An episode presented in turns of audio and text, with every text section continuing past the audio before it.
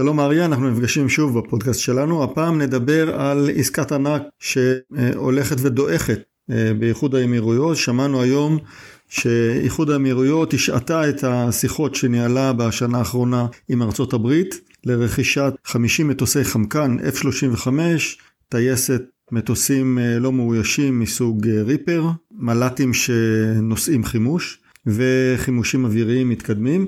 כל העסק היה אמור לעלות 23 מיליארד דולר, עסקה מכובדת מאוד, ועכשיו העסקה הזאת הושעתה, לא ברור אם היא מתבטלת או רק אה, מתעכבת, אבל נשמע שהאמירתים לא מרוצים מהנכונות האמריקאית למכור להם את האמצעים האלה. כן, העובדה היא שהעסקה הזאת אה, נתקעה, עסקת ענק. מקורות, לא ב-UE, אומרים ש...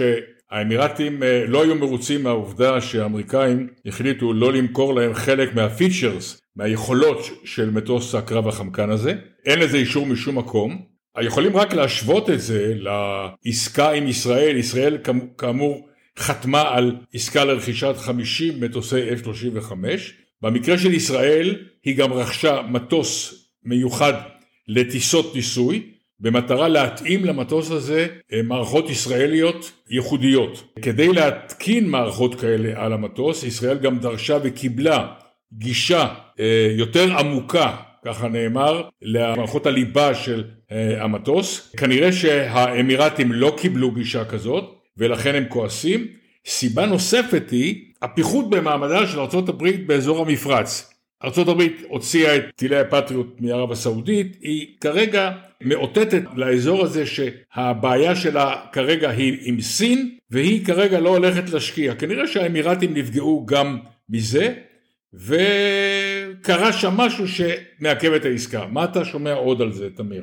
אני שמעתי מכמה כיוונים שמנסים לתלות חלק מהסחבת הזאת דווקא בישראל. שמענו את אנטוני בלינקן, שר החוץ האמריקאי במלזיה, אה, אומר שארצות הברית נחושה להגן על היתרון הטכנולוגי הישראלי, אני מאוד מאוד מכבד את זה, חושב שזה דבר טוב, אבל בהקשר הזה הוא בעצם אה, תלה את הכישלון במשא ומתן במחויבות אמריקאית לישראל. דובר הפנטגון גם דיבר על זה שארצות הברית לא יכולה אה, לעבור על המגבלות שהיא הציבה לייצוא של ציוד ביטחוני, ושרמז על כך שבעצם האמירתים דורשים יותר ממה שמגיע להם.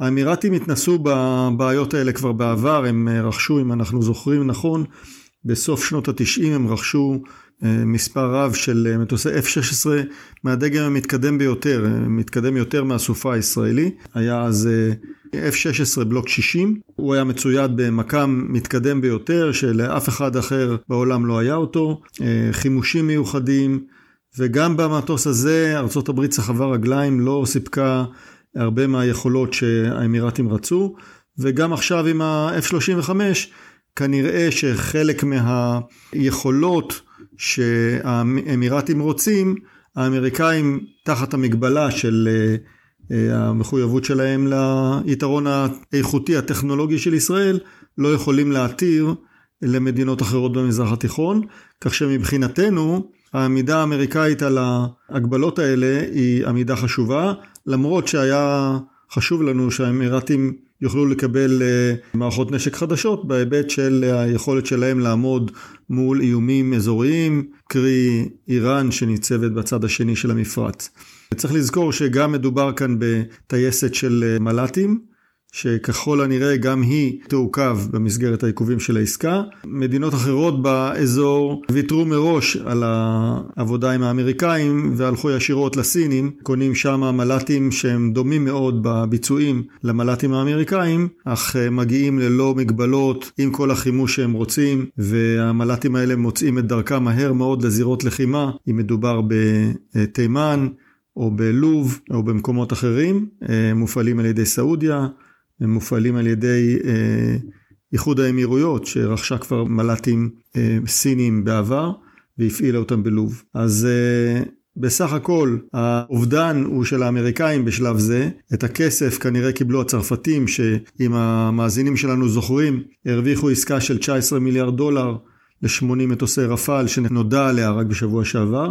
כנראה שהאמירתים כשקיבלו את המטוסים המתקדמים הצרפתיים החליטו לוותר לפחות לזמן מה על ה-F-35 האמריקאי.